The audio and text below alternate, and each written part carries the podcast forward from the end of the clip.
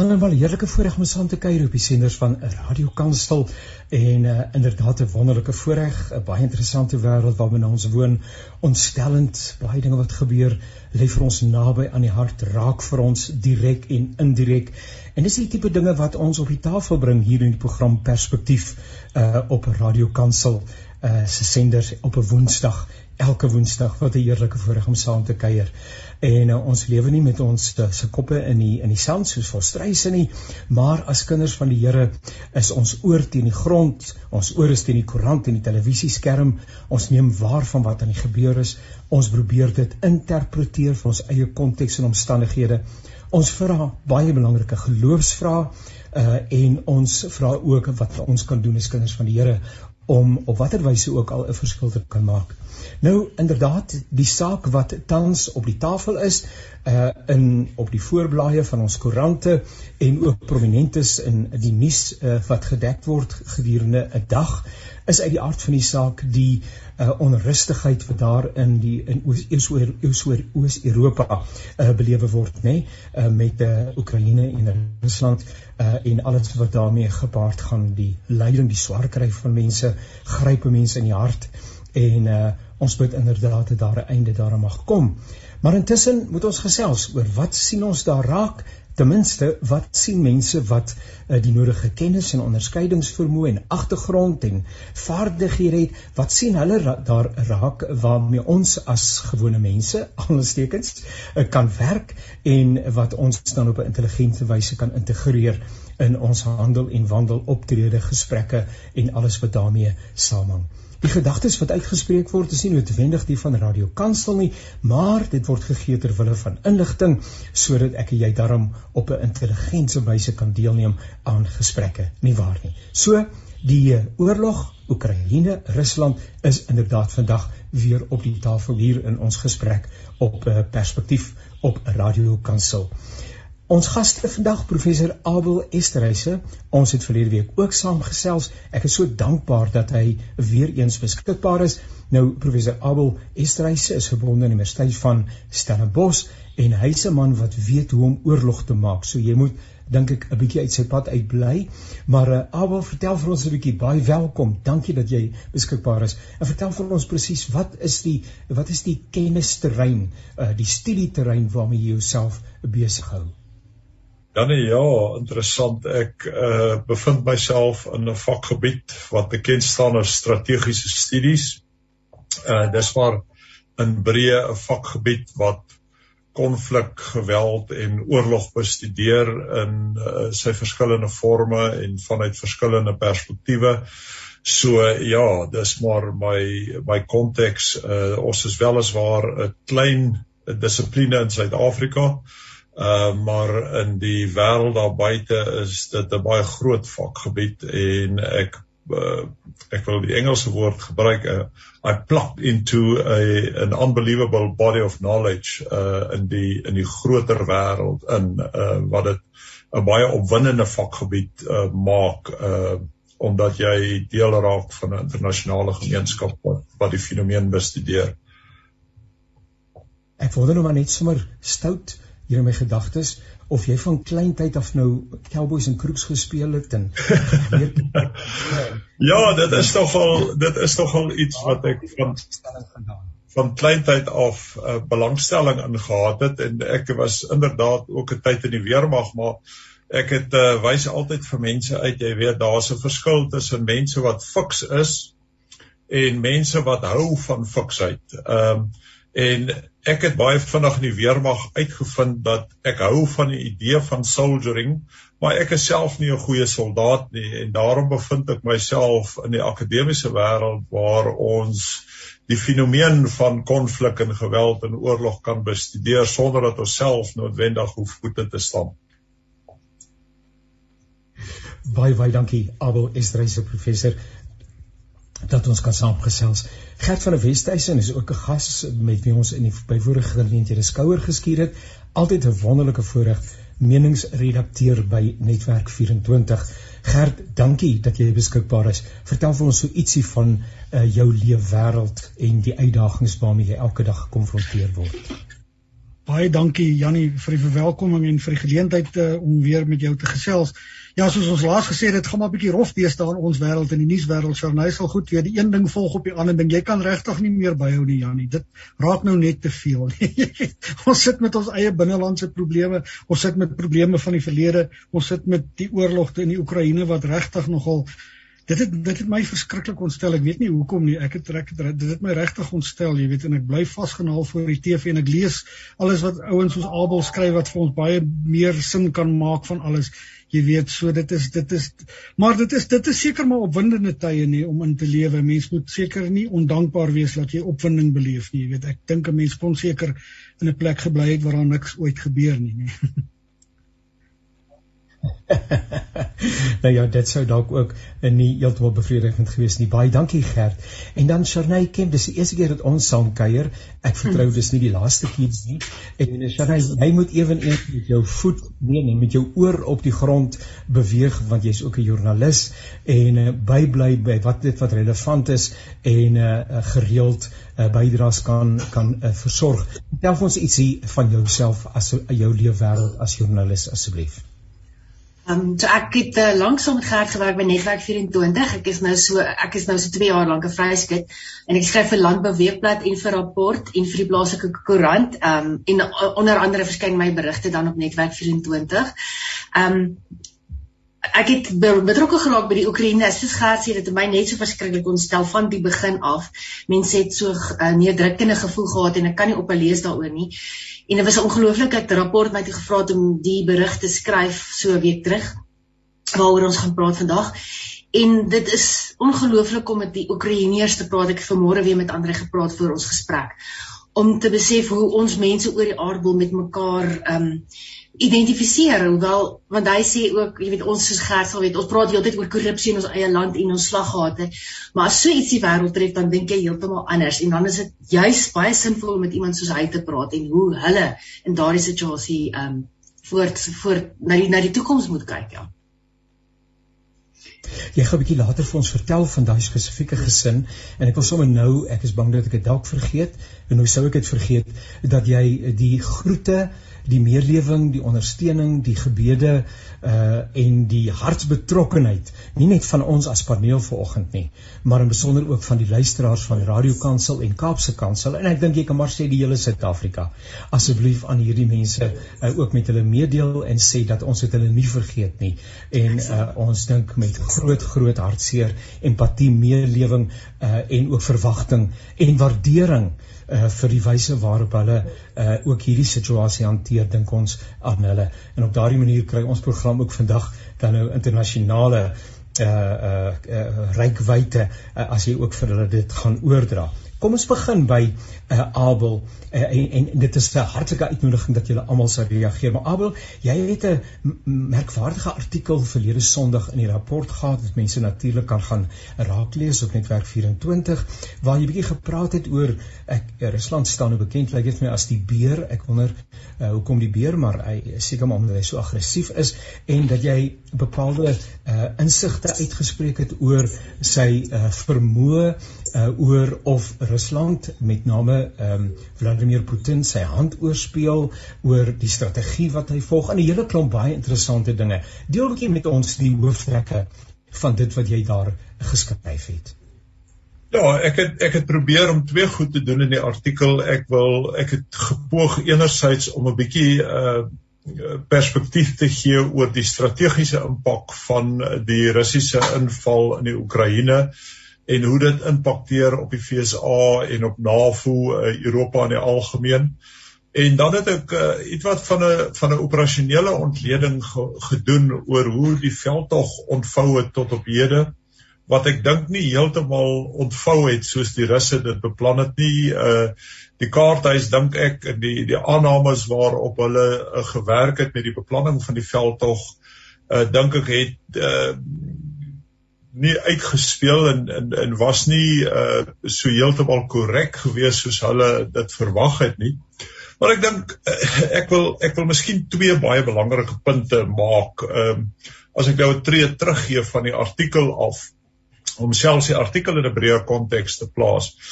Ek dink ons moet weer die idee besoek van die belange wat state internasionaal nastreef dat die dat state nie in vriende het internasionaal nie maar dat state hulle eie belange bevorder internasionaal. En dat state soms die die die grense oorskry van die die reg tot die nastrewing van daardie belange. En en en daar moet 'n mens baie versigtig trap uh omdat jy jou dan bevind in 'n in die internasionale regswêreld en ons kan daaroor ook baie sê maar die punt wat ek daar wil maak dink ek is dat uh ons het in die in die Oekraïne gesien dat dat die idee van van realpolitiek van van realisme in die wêreld is is nog is nog baie baie relevant uh, is nog ek weet nie relevant is nie die woord nie. Ons ons word nog steeds gekonfronteer met die realisme anders as wat ons die 1990s gedink het toe almal gedink het maar maar ons gaan beweeg na 'n wêreld waar daar met groter verantwoordelikheid omgegaan sal word en waar state uh, binne bepaalde uh, waardes en norme sal optree.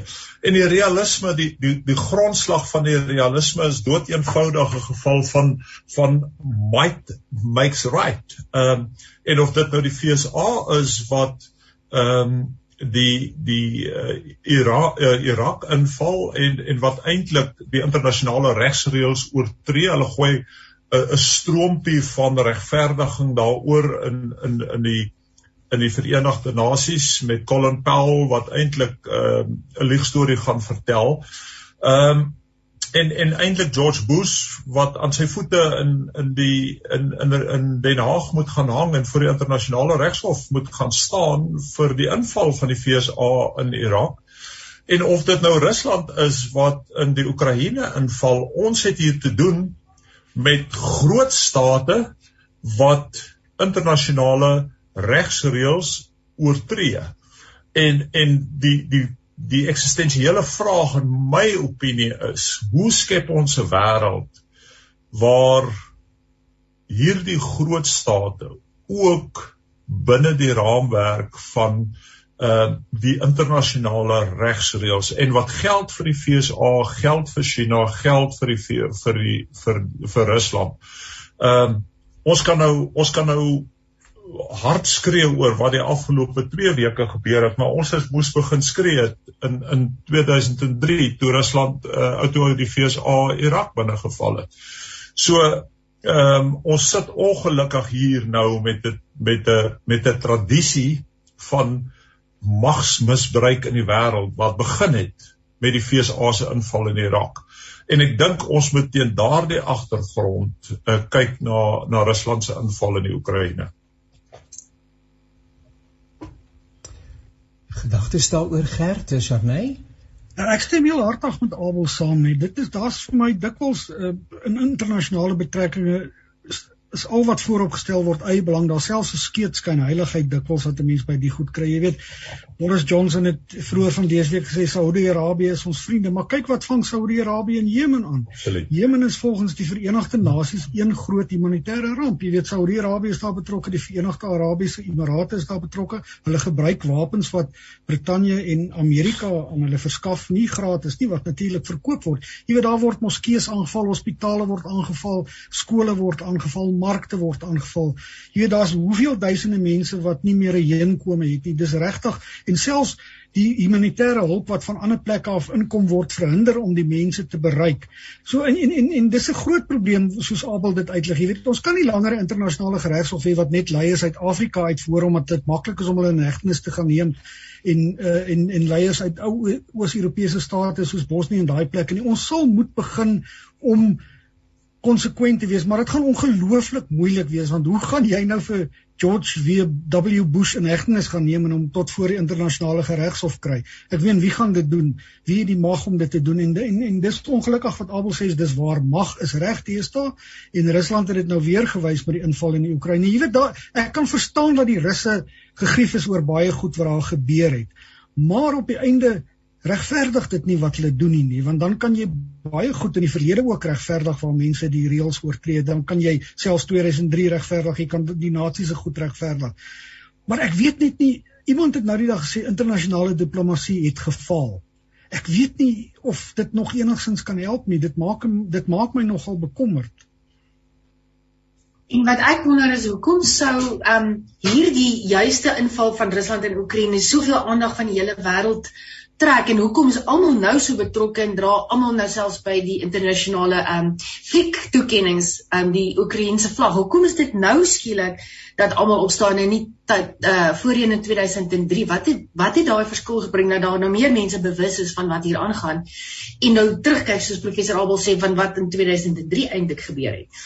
Um wat het verander in die menslike psiege is dit in, in inligting? Is dit die internet? Hoekom is net meer bewus van die onregverdighede wat gebeur wanneer groot state optree soos wat Rusland en Amerika alreeds het? Dis 'n baie baie relevante interessante vraag wat hier is vir my asseblief. Seker is op praat? Nee, ek ek dink dis 'n uiters relevante vraag wat jy wat jy vra. Ehm um, en en ek het die laaste paar weke baie gewonder oor hoekom die wêreld ewe skielik nou uh amper al wakker geskrik het vir magsvergrype in die wêreld ewe skielik met die met die inname van Rusland uh, Rusland se inname? Het dit te doen met uh, die feit dat dat Putin 'n uh, 'n oud skool uh, autokraat is? Het dit te doen met met die feit dat uh, dit in Europa is? Het dit te doen met die internasionale media? Uh waar waar kry ons die die die rede dat ons nou ewe skielik uh die hele wêreld ehm uh, het dit te doen met die feit dat dat dit waarskynlik is dat die weste nou bedreig is in plaas van dat die weste dat die weste is wat bedreig.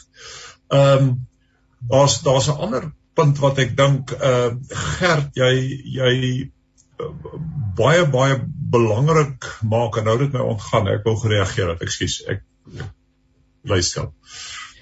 Jy gebeur so baie goed. Maar mens kan ook nie alles onthou nie. Jy weet natuurlik die, die een vraag wat 'n mens altyd moet vra, is dit nie omdat Rusland die grootste kernarsenaal in die wêreld het nie? Oh, dis dis 'n dis 'n ander veranderlike. Ja, en is dit nie omdat Putin half onstabiel optree en half irrasioneel optree en nou is mense baie bang nie, maar ek dink jy het 'n baie goeie punt beet dat dit dat Europa nou bedreig voel. En jy weet die, die die media speel ook 'n rol nie want die media is nie in Jemen nie. Die media is nie in Jemen om elke dag die gruwelikhede daar te belig nie want dit is moeilik om uit te kom. Dit is moeilik om van daar af uit te saai. Oekraïne is op baie van daai mense se voorstoep, jy weet. En ek dink dit speel ook 'n belangrike rol. En en en, en, en ek ek, ek dink ook die beskikbaarheid van sosiale media want ek dink die een oorlog wat die Oekraïne wen is die is die propaganda oorlog. Ja. Ja. Omdat daar nie meer regeringsbeheer oor sulke goed is nie, jy weet en daar gaan baie fopnuus goeters rond, maar daar is ook baie goed wat interessant is. Jy weet die mense van die Oekraïne is bereikbaar.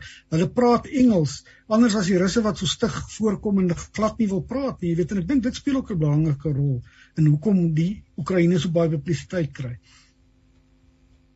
Ek dink 'n mens kan nogal vir jou eie deur ook vee dat 'n mens so selektief skyn heilig kan wees in terme van wat jy veroordeel en van wat jy aanvaar en ek vermoed ons almal werk vanuit wat is tot my voordeel.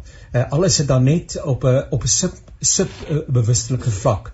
Uh wat is tot my voordeel en uh, uh as ek nou maar net dink ek het uh, gisterand iewers raak gelees gister en ek wil nou nie die verkeerde land hier betrek nie maar is dit so Saudi-Arabië wat 63 mense gister uh, in massa tereggestel het. 81. Ehm um, 81 mense. Ja. Nou ek bedoel in 'n postmoderne wêreld waar vriend van die FSA hmm, onder watter met watter vir uh ehm um, die regte woorde nou so bevestiging of regverdiging nie ook aan in die lewe sou wou. As ek dink aan die stryd in eh uh, uh, Palestina en Israel wat ewe selektief na beide kante toe uitspeel dit hang af waar jou sentiment lê en dat ons nie konsekwent in ons veroordeling is van dit wat reg en dit wat verkeerd is nie. En mense is beelddraers van God en wanneer mense in hulle menswaardigheid aangetast word en veral vroue en kinders en bejaardes, nê? Nee?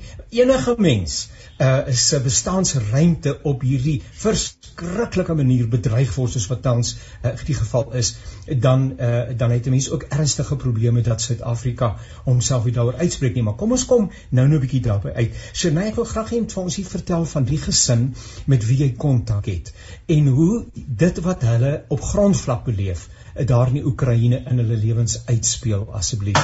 Uh, want direkte kontak en dit help ons nogal om te sê hier is as dit ware 'n 'n voorbeeld nê 'n case study uh, van uh, iets wat tans absoluut relevant is en met wie nou nou geconnected via Facebook. Hierdie mense bestaan. Dis nie 'n storie nie.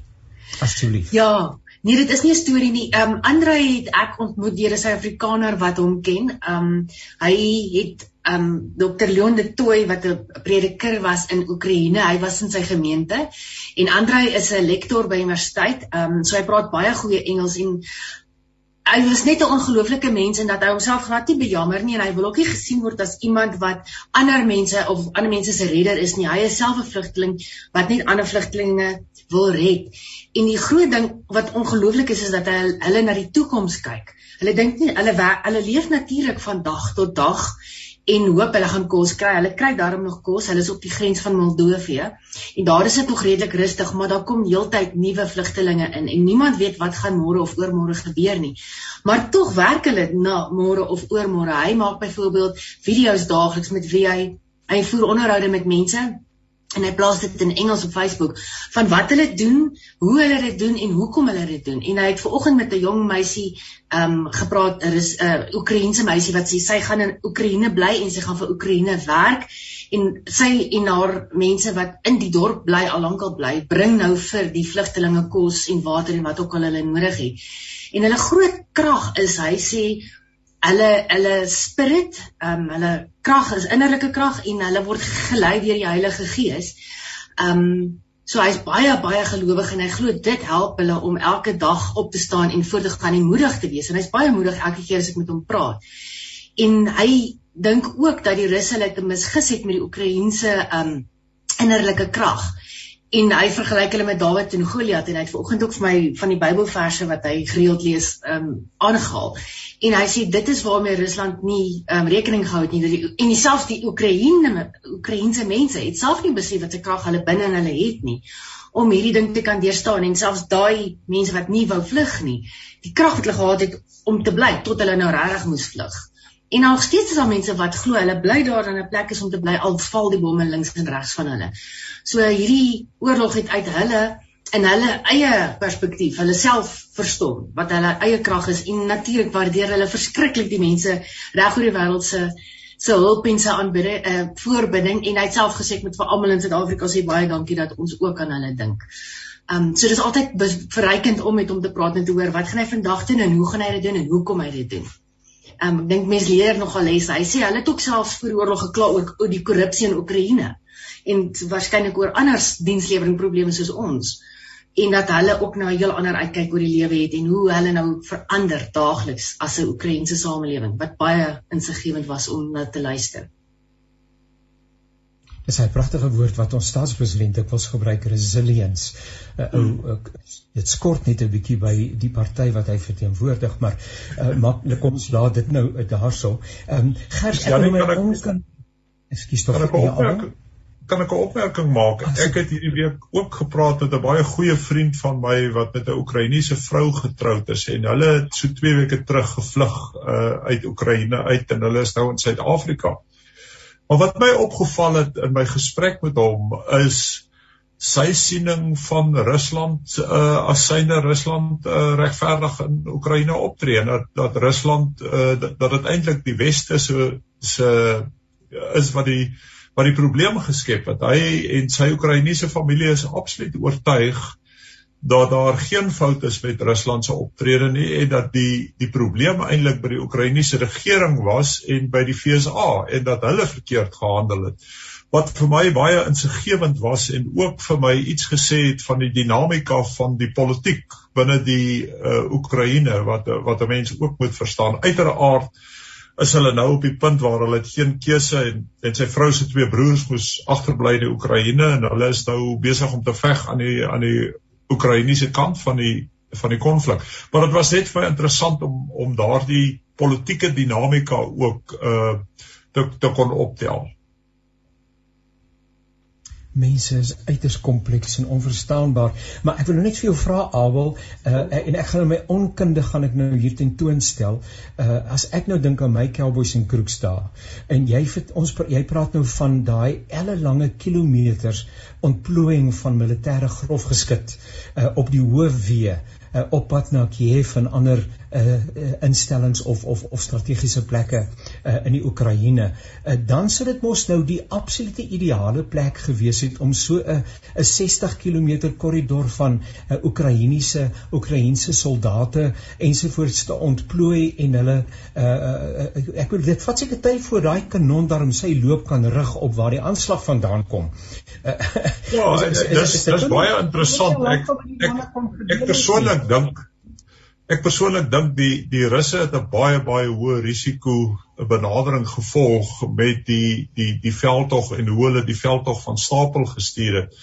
Ehm um, in 'n in 'n meer konvensionele oorlog teen 'n meer gedigte vyand ehm uh, sou ek meen daardie was die ideale teken vir Amerikaanse A10 uh uh vliegtye wat hulle binne binne minute sou vernietig daar die hele hele konvoi. So ek ek persoonlik dink die Russe het 'n baie baie hoë risiko veldtog van stapel gestuur.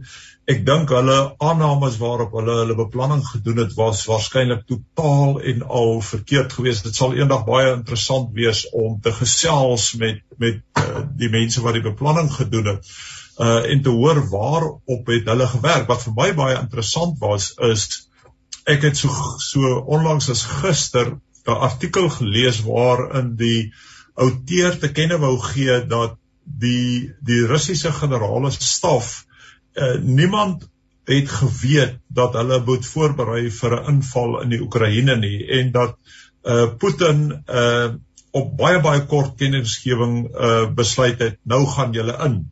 Ehm um, en en dat daar nie veel tyd was vir hulle om om werklik beplanning te kan doen nie. Nou ek ek kou taai aan daardie ehm uh, berig omdat uh jy weet weermagte doen in diepte en voortdurend beplanning. Ek meen hulle hulle oefening wat hulle gedoen het in in Januarie en Februarie het waarskynlik die scenario het waarskynlik gegaan oor die die die inname van die Oekraïne. So byt maar moeilik aan die aan die idee dat hulle nie beplanning gedoen het nie, maar maar dit sê tog ook vir 'n mens iets oor hoe die Russiese besluitneming werk en en hoe uh daarvan bo af uh op 'n baie rigiede manier besluite geneem word. En dit speel uit in die beplanning en die die operasionalisering van van planne uh, binne 'n veldtog. En ons sien dit baie baie duidelik, uh, dink ek, die die blote gesukkel van die Russe om nou Kiev te omsingel. Uh, ek meen dit dit moet as jy met 'n gemekaniseerde mag opereer, is dit 'n 'n relatief eenvoudige operasie om 'n om 'n stad te omsingel. Uh tog sukkel die die die Russe en dit wil voorkom asof die Russe sukkel sodra hulle van die paaie af afklim en daar's 'n verskeidenheid van redes daar volgens uh, wat wat daartoe aanleiding gee hierdie tyd van die jaar begin die sneeu al smelt. Ehm um, die die terrein raak al moeiliker uh, in Rusland en in die Oekraïne. So daar's 'n veelerlei van faktore maar maar selfs dit moes hulle voorbeplan het. Gert en laat ek net eers ons luisteraars sê, jy luister 'n programme van Radio Kansel, hierdie program se naam is Perspektief. Ons gesels oor die uh konflik uh, daar in uh Oekraïne, Rusland, daar die hele geweldssituasie. 'n uh, Deelnemers aan ons program is uh, professor Abel Estreise uh van die Wesduisen en na die kamp en ek is so dankbaar dat ons kan saam kuier. Ehm um, Gert en kollegas, uh, so onlangs soos gister is in die parlement uh, gedagtes gewissel oor Suid-Afrika se stand ehm uh, standpunt wat hy handhaaf inneem met betrekking tot ehm um, die konflik wat homself daar uitspeel en uh, ons aanstekens oorskynlike onvermoë om die saak behoorlik te veroordeel soos wat uh, die algemene vergadering van die veiligheidsraad of wat is dit van die uh, Verenigde Nasies? Wat is die helping tog dis ook soveel terminologie nê? Help as ek verkeerd is maar maar waar ons buite stemming gebly het. Ehm um, gedagtes in die verband asseblief. Van die een kant verwag 'n ou tog sterk optrede. Ehm um, uh, die frase ons bevind onsself aan die verkeerde kant van die geskiedenis het ek verskeie kere raak gelees Aan die ander kant is daar mense wat ja, as ek nou maar net die agtergrond van wat jy geskets het, hou jou neus uit ander mense se sake uit, Abel hier in die begin. Uh jy moet ook weet wanneer om jou neus iewers in te steek. So nou hoe hoe nou, hoe maak 'n mens nou uh, Gert lei vir ons in asseblief? Kyk, die debat in die parlement was interessant gister, maar natuurlik sal die oppositiepartye ook nou politieke munt uit die hele situasie uit probeer slaan. Wat ek ja. my persoonlike gevoel vir jou gee, Janie, ek ek het dit nie verbasend gevind dat die ANC by die regering by te stemming gebly het in die algemene vergadering nie. Ehm um, weens 'n misplaaste soort van loyaliteit teenoor Rusland. Dis lankal nie meer die ou Sowjetunie wat hulle in die struggle ondersteun het. Die Putin is lankal nie meer 'n kommunis van die ou Sowjetunie nie. Hy is eintlik maar 'n verregse fasis noem Leopold Skolson vandag in 'n artikel wat hy vir ons geskryf het. So daar's daai soort van misplaaste lojaliteit. Mens kan dit in 'n mate verstaan, jy weet, want Rusland het hulle gehelp toe min ander mense hulle wou gehelp het. Maar aan die ander kant ook verbaas dit my nie want ons het nog sedert 1994 het ons talle kere in gebreke gebly om op te om ons uit te spreek teen die vertrapping van menseregte. Ek onthou baie goed die Zimbabwe situasie waar ons die hele tyd gesê het nee ons probeer hierdie stille diplomatie. Ek was daar vir die verkiesing in 2000. Ek het met my eie oë gesien dat dit nie vry en regverdig was oral nie. Dan kom Tony Yengeni en hy sê in sy verslag nee, maar dit was 'n vrye en regverdige verkiesing want jy wil nie Zimbabwe kwaad maak nie. Kyk waar is Zimbabwe nou? Jy weet ons het ook nie vir Omar al-Bashir van Sudan in hegtenis geneem toe hy was nog onder oud president Jacob Zuma nie. Ehm um, So dit wys jy ons optrede in daai verband was ook nie baie goed genoeg nie. Aan die ander kant verstaan ek wat die ANC sê, jy moet seker 'n soort van 'n 'n gangetjie oophou vir gesprek met Putin. Ek weet net nie of ons die regte mense is om daai gesprek te voer nie. Ons het al baie in gesprekke betrokke geraak waar konflikte was in Afrika, selfs in Oos-Europa, maar dit is gewoonlik konflikte binne 'n land soos Noord-Ierland soos um, in Kosovo, jy weet dit is nie konflik tussen twee state waar ons bemiddel het nie. En ek weet ook nie of ons nog dieselfde gesag dra ons leier en ons land as onder oud president Nelson Mandela nie, want hy het geweldige internasionale statuur gehad. Ek praat eh, ek het Saterdag met 'n oud um, diplomaat gepraat wat vir my sê, jy weet, as jy iets soos hierdie wil besleg, moet jy iemand kry wat op die oog af onafhanklik lyk en hy stel voor iemand soos Angela Merkel, die oud kanselier van Duitsland, wat betrokke was by die Minsk-ooreenkoms. Sy kan self Russies praat, jy weet, dit sal klaar al al, al jy weet as iemand se taal praat, help dit al klaar baie. So dit dit is dit is maar 'n gekompliseerde saak daai Janie, dis regtig nogal kompleks, die hele uh, kwessie van Suid-Afrika, maar mense sal verwag omdat ons 'n demokrasie is, omdat ons 'n handves van menseregte het, sal jy verwag dat 'n mens die vertrapping van menseregte veroordeel op so 'n manier dat op, op jammer ja, Janie op so 'n manier dat jy daarom nog selfs later aan onderhandelinge kan deelneem. Op maar weer 'n manier van politieke uh, punte aanteken. Ek bedoel ons kry nie eers dit reg om ons binnelandse problematiek aan te spreek nie. Nou wil ons uh iets so problematies soos die konflik tussen Oekraïne en Rusland uh 'n bemiddelaarse rol daar gaan speel. Dit is eintlik lagwekkend uh, as ek nou daaraan dink omdat Suid-Afrika self uitmekaar uitval en dis 'n ander gesprek maar net in die vrye weekblad die afgelope week en weer eens is dit 'n frase wat bitter gereeld voorkom en ons het ook 'n program in die verband hieroor gemaak dat Suid-Afrika sterk op pad mag wees ek wil dit nie uitspreek nie na 'n mislukkende staat uh, of 'n mislukte staat. Um, en in steede daarvan dat hierdie goed die binnelandse problematiek na behore aangespreek word, uh faksiegevegte en alles wat daarmee gepaard gaan, wil ons nou Wrintie waar gaan kyk of ons dalk nou net daar op 'n manier hand kan bysit. Charney, dis 'n bietjie mekaar. Ja, ek ek sien nogal son dat die ANC uh, hulle self oorskat en hulle statuur oorskat. Um en um byvoorbeeld in die Noord-Kaap waar ek nou is. Die premier praat nou van die provinsie as 'n ontwik uh, as 'n moderne groeiende provinsie. So hy wil hê almal moet nou 5G hê en op die internet klim en hulle lewe gaan verbeter deur die internet en toegang tot digitale dienste. Maar die paaie val uitmekaar, daar is riool in die strate. Um hulle kry nie werksgeleenthede nie. So dit word heeltemal oorskat asof ons nie na Maslow se driehoek van menslike behoeftes kyk nie. Jy moet jou mense eers voed en sekuriteit sekuriteit gee voordat hulle na sulke hoëre ambisies soos internasionale digitale toegang gaan soek. En hier's 'n pad buitekant Kimberley wat verswelg word deur 'n riooldam wat water uit lekkende water 'n uh, eh, uh, lekkende pype uh, die die een van ons besigste ekonomiese roetes wat deur mynvragmotors en landbouvragmotors gebruik word. Die pad is besig om te disintegreer weens die riooldam. Maar hy ou ouen praat oor die digitale toegang en die moderne maar dit dit dit kan nie werk as jou jou staat val en nie basiese dienste kan verskaf nie. Dis dieselfde wat hulle nou vir Cuba um die 50 miljoen wil skenk. Hoekom na die buiteland kyk en by die buiteland betrokke raak as jou binnelandse politiek nog nie nog nie stabiel genoeg is om jou eie mense um te help. Ons is in 'n oorlog van ons van ons eie eintlik gewikkel. Nou kyk ons na die oorlog om 'n oorlog elders te gaan oplos wat ek dink nie ons kan nie. Ja nee, kan kan ek hier 'n woord of twee sê? Asseblief. ek ek sal graag Gert se se opinie wil hoor, maar wat ek by die Suid-Afrikaanse regering ehm um, vind wat wat vir my afwesig is is is 'n genuanceerdheid rondom 'n bepaalde goed en en en 'n 'n 'n balansering hulle hulle onvermoë om om bepaalde goed te balanseer met mekaar. Kom ek kom ek noem 'n voorbeeld of twee. Daar's baie onvermoë by die regering in Suid-Afrika en die ANC spesifiek om die historiese en die resente met mekaar te balanseer. Ons verstaan die historiese uh verhouding tussen die ANC en uh, en die die voormalige Sowjetunie. Maar daar's vir my 'n onvermoë om om daardie realiteit te balanseer met die resente realiteit. Daar's vir my 'n onvermoë om kom ek noem dit moraliteit te balanseer met lojaliteit. Die die ANC eh, spesifiek die regering ehm um, bly in gebreke om om 'n genuanceerdheid te bring ten einde moraliteit, dit wat reg is, te balanseer met hulle lojaliteit wat mense 'n gesprek moet hê oor of dit werklik reg is.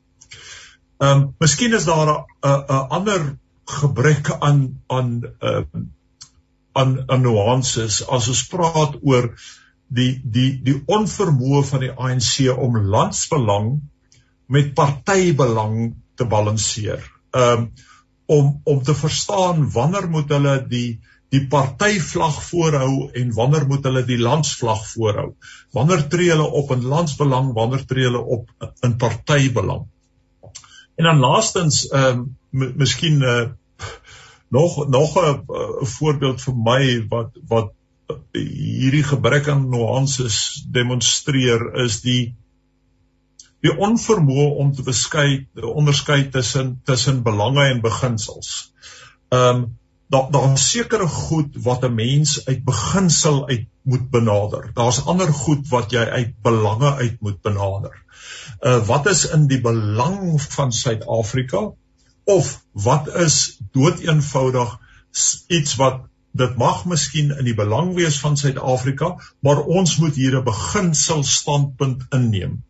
Dit mag miskien in belang wees van Suid-Afrika om Rusland te ondersteun maar vanuit 'n beginsel perspektief moet ons miskien een tree teruggee en sê nee.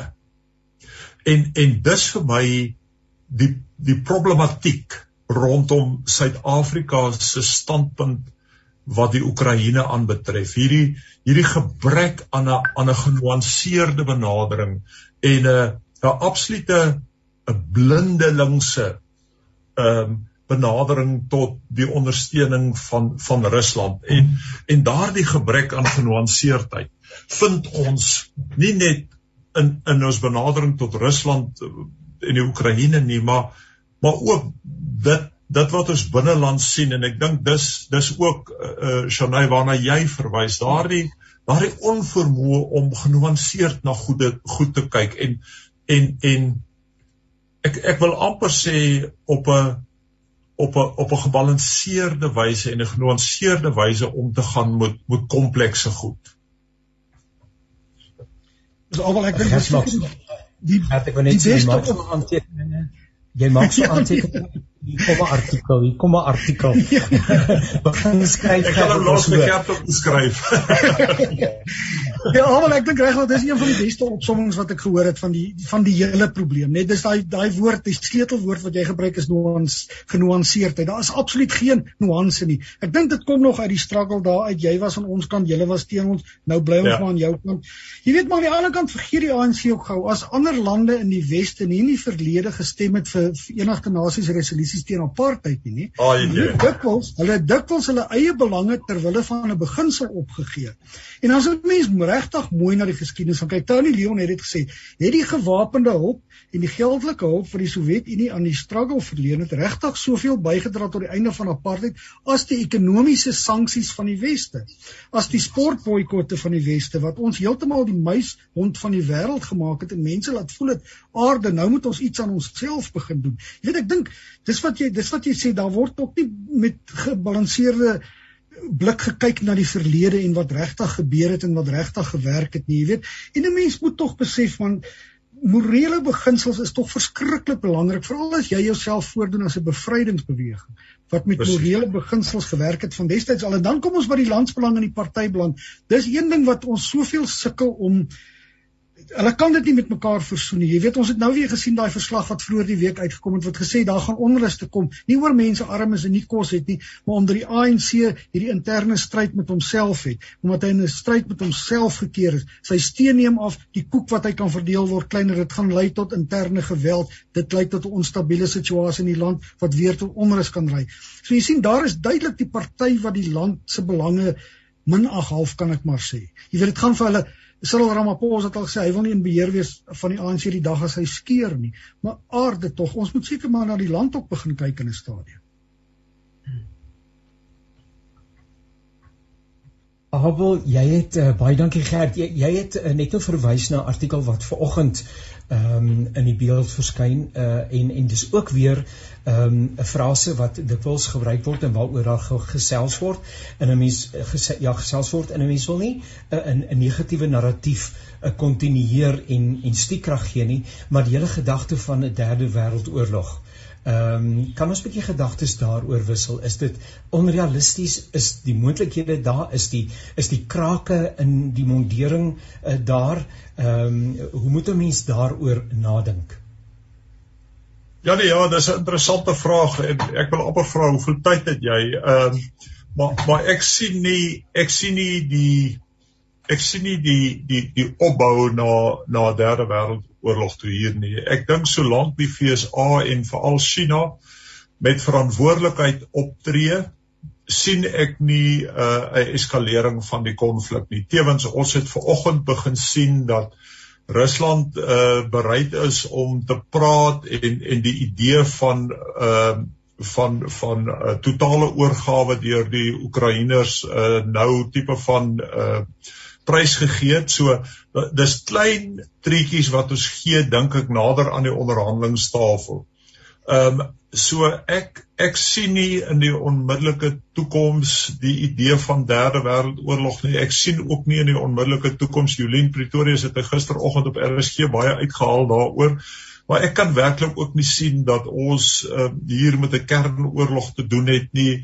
Uh, ek sien nie die Armageddon uh, op die pad nie. Ek dink ons moet dit hanteer vir wat dit is. Hierdie dis maar 'n 'n regionale konflik. Ehm um, en dis 'n Europese konflik. Uh, Europa het nou maar die vermoë om goed wat in Europa uh, is op te blaas asof dit die wêreld is.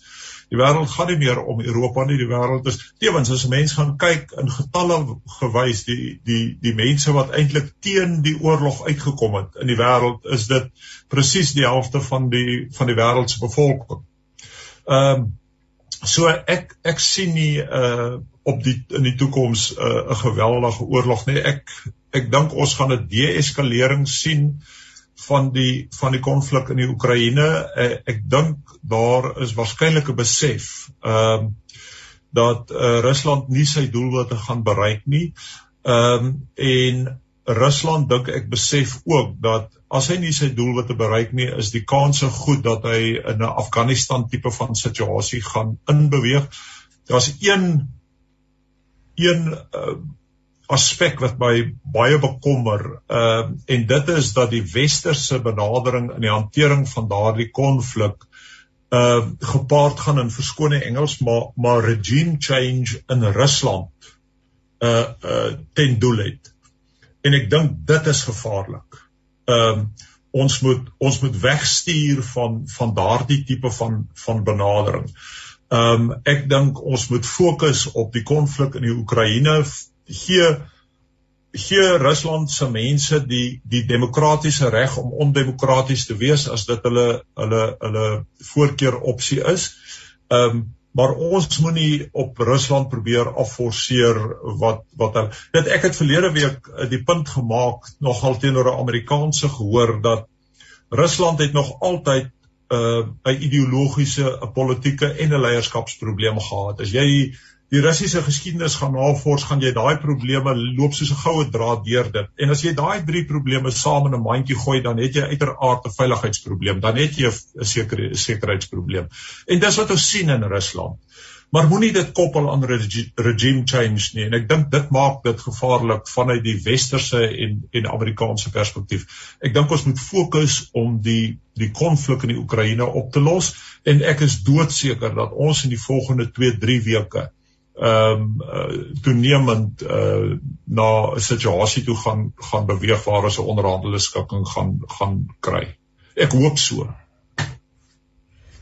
Gert, meneer meneer Putin se se beeld uh, en en sy politieke beeld byvoorbeeld in Rusland self. Ons weet hy staan uh Dit is ongewild in die res van die internasionale gemeenskap, uh, sekere lande, Suid-Afrika, ehm um, uitgesluit daarvan maar ehm um, uh, na hierdie scenario uh, hoe, hoe sou jy dink lyk sy toekoms in Rusland. Ek weet nie of daar hoegenaamd sprake is van 'n demokratiese uh, onderbou in in 'n land soos Rusland nie, maar het hy nie sy hand in so 'n mate oorspeel nou dat uh, ek het gister gehoor 15000 mense wat uh, in hegtenis geneem is wat uh, op grondvlak betoog het. So daar is hierdie groeiende ehm um, um, um, opbou van minagting teen sy sy sy optrede en dis meer uh, is gaan hy nie natuurlikerwys inplof as staatsleier nie.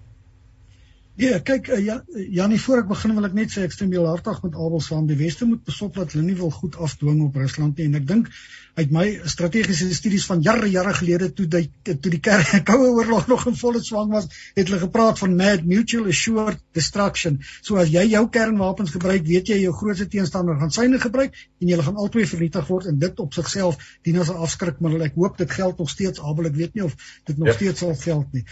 Maar nee, ek Janie, ek het ek het artikels gelees wat gesê het voor die inval in die Oekraïne het Putin se gewildheid nogal toegeneem onder Russe omdat hulle jy weet eh, van hulle is baie gegriefd oor wat met hulle gebeur het. Van hulle voel die weste het hulle verneder, van hulle voel hulle is op die reg behandel in Oekraïne soos Abel reg voorheen opgemerk het. So dit het vir hulle gelyk asof hy rug styf maak teen die weste. Jy weet hy beskerm ons belange. Maar nou is daar die die die finansiële sanksies kan byt, die ander sanksies kan byt. Jy weet Putin is 'n pronkrag ou hy hou van goed soos die Europese kampioenenliga aanbied. Dis nou van hom al weggeneem. So mense weet nie watter rol dit gaan speel nie. En een waarnemer het opgemerk een van die belangrikste rolle hang af hoe lank die oorlog duur. Hang af hoeveel russiese ongevalle daar is. Want iemand het gesê as die lijksakke begin tuiskom sal die gety teen Putin draai. Maar ek dink jy weet wat ook gevaar nie gevaarlik is nie maar wat uh, seker logies is as die hele wêreld teen jou is dan trek jy terug in jou laar nê en jy vertrou op jou sterk leier en Rusland het soos albei reg opgemerk het nog altyd sulke sterk leiers gehad. Daar was nooit eintlik sprake van demokrasie en hierdie ou gaan nou uitgestem word nie. Jy weet so dit uh, dit is dis vir my moeilik om te voorspel. Jy weet as as, as dit so is dat daar oor 3 weke gaan vrede kom, dan sal Putin bly. As die oorlog nog vir jare voortduur, gaan sy situasie al hoe moeiliker word. Daar is wel mense wat beweer hy hy bevind hy is 'n bietjie geïsoleer soos baie so Stalin was En dan is daar ander mense wat sê dit help ook nie jy pas sanksies teen die oligarge toe nie want hulle het nie eintlik meer sy oor almal van hulle nie en hulle is tog van hom afhanklik van hulle rykdom ook. So ek wil nie sommer 'n voorspelling daar waag nie, maar ek dink nie ons gaan sommer gou die einde van hom dalk sien nie. Die, ook, eh, die veranderlike dink ek gerd wat wat 'n mens hier in ag moet neem is die die vernietigende sanksies wat wat hmm. uh of die vernietigende uitwerking van sanksies en Uh vir my is dit nou 'n geval van 'n uithou strategie in Rusland en dit sal baie interessant wees om te sien uh of daar 'n verwydering kom tussen die Russiese bevolking en Putin uh as gevolg van die sanksies. Uh want kom ons wees maar eerlik, dis nie Putin nie, dis die Russiese bevolking wat gaan betaal vir die sanksies. So dit sal interessant wees en en dit is juis hoekom ek dink die weste is besig met 'n baie baie gevaarlike speletjie nie in in uh, Oekraïne self nie maar wat Rusland aanbetref. En ek is eintlik op 'n manier is dit vir my 'n groter bron van kommer as ehm uh, as die Oekraïne omdat dit uh, Putin tot 'n mate toe in die, in die hoek plaas. En as jy in 'n hoek plaas is dan maak jy dan moet jy benoude benoude uh, spronge maak. En en dis wat my bekommer van Rusland uh en en Putin. Ek is ek is ek is ja, daar's groot kommer in my hart oor daardie scenario as wat daar op die oomblik oor die Oekraïne is. Daar's uitkomste, daar's moontlikhede in die Oekraïne. Ek ek sien nie moontlikhede vir Putin in Rusland nie. Hy's hy's in die hoek. Hmm. Maar soos jy reg kan verkeerd wees. Soos jy reg opmerk, dit maak mense desperaat en dit is gevaarlik, nie as jy nou Ja. Ja. Uh, Sharai, ek wil vir 'n oomblik na jou toe kom voor ek weer vir uh, Abraham net ietsie vra. Uh, in aanleiding van 'n artikel wat ek gister gelees het van professor uh, Joansi van Wyk uh, oor en jy kan so lank daaroor dink oor die geestesemosionele gesondheid van meneer Putin en hoe sal ons nou regtig weet? Maar ons kan seker daaroor 'n bietjie filosofeer. Maar maar jy het 'n baie interessante ding het het, het geskryf in 'n aanduiding van uh, die mense in Oekraïne. Jy het twee groeperinge van mense een klomp wat vlug. Ons het daar nagenoeg 3 miljoen mense wat reeds uh die land verlaat het op soek na veiligheid. Jy's tog 'n ouer jy kinders uh, en alles wat daarmee saamhang en dan het jy die mense wat bly en sê nee maar ons is hier om te verdedig. En wanneer dinge uiteindelik afgehandel is dan kom die partye weer bymekaar en dan het dit weer 'n eie dinamiek en spanning tot gevolg want uh, sommige mense is dan aanstekens verraaiers. Toe ons hulle nodig gehad het het hulle weggehardloop. Uh, dit, dit moet baie moeilik wees. Die, die probleem is nie sommer net opgelos die dag wanneer Rusland besluit nou maar goed ons onttrek ons magte byvoorbeeld nie Ja, nee presies, want hy ehm um, Andrei sê hy dadelik geweet hy ehm um, moet hy moet gaan en hy kan verstaan dat ander mense met kinders en bejaardes soos sy eie ouers wil nie gaan nie. Hulle glo hulle moet daar bly, hulle sal bly tot die einde. Dis asof daar 'n hy um, stel dit in die sin van hy is hy het um bietjie meer teruggesit en gedink oor sy situasie. Hy was nie so emosioneel betrokke deur te dink ek sal bly en ek sal myself verdedig nie. Um en ek dink dit gaan maar met immigrasie ook gepaard. Jy weet die mense wat in die land agterbly en die wat weggaan. En en dan is daar 'n soort van julle is die is die handsoppers en die en die joiners. Wel handsoppers en, en julle is so sterk so ons wat gebly het hier so onder die, in die Oekraïense samelewing gaan hulle self onder mekaar daaroor dink. En ek dink hulle praat al klaar daaroor binne in die vlugtingsentrum waar hy is. waar hy vir hulle vra hoekom het hulle gevlug en waarheen gaan hulle en het hulle 'n plan? Want hulle wil eintlik van hulle wil nie vlug nie. Hulle is gedwing om te vlug maar hulle wil nie. Maar hulle kan ook nie die grens oorsteek nie. Hulle het nog nie daai moed om die grens oor te steek. Want as jy eers die landsgrens oorgesteek het dink ek is jy in 'n ander spasie as die wat bly. En dis 'n baie emosionele en 'n 'n baie sielkundige ding.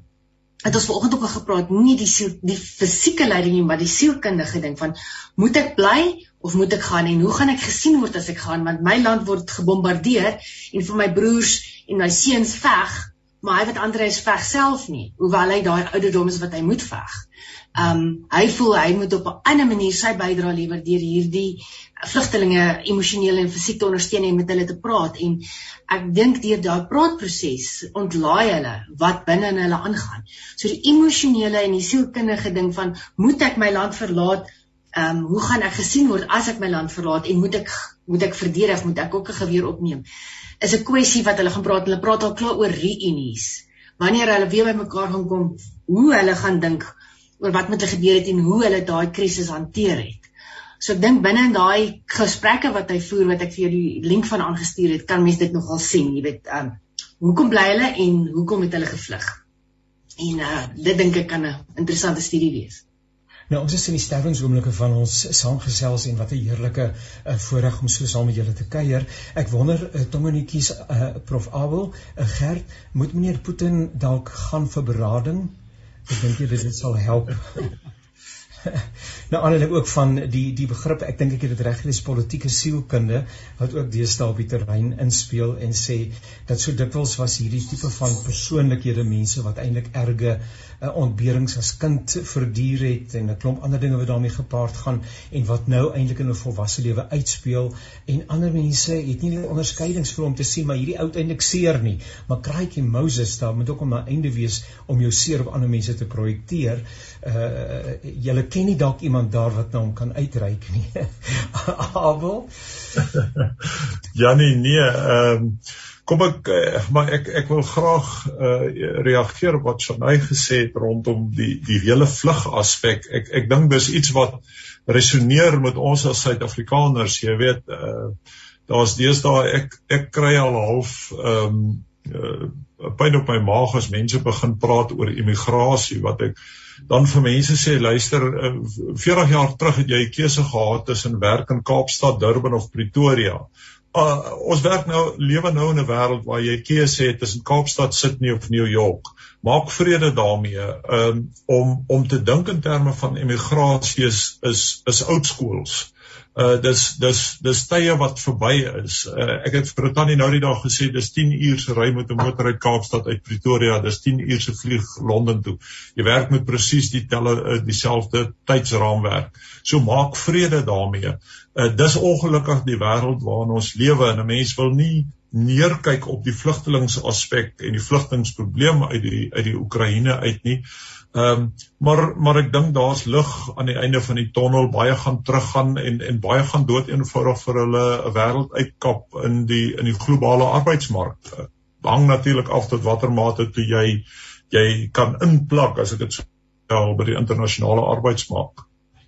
Professor Abel Estreys, hy's op Universiteit van uh, Stellenbosch. Baie baie dankie vir u deelname. 'n Enkele sin van jou kant af Gert om saam te vat af te sluit ek ek hoop ek ek, ek hoop uh, wat Abel voorsien gebeur dat daar lig in die tonnel is en dat daar uiteindelik na onderhandelingstafels toe gegaan sal word.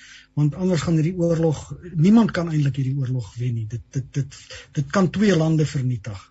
Ja.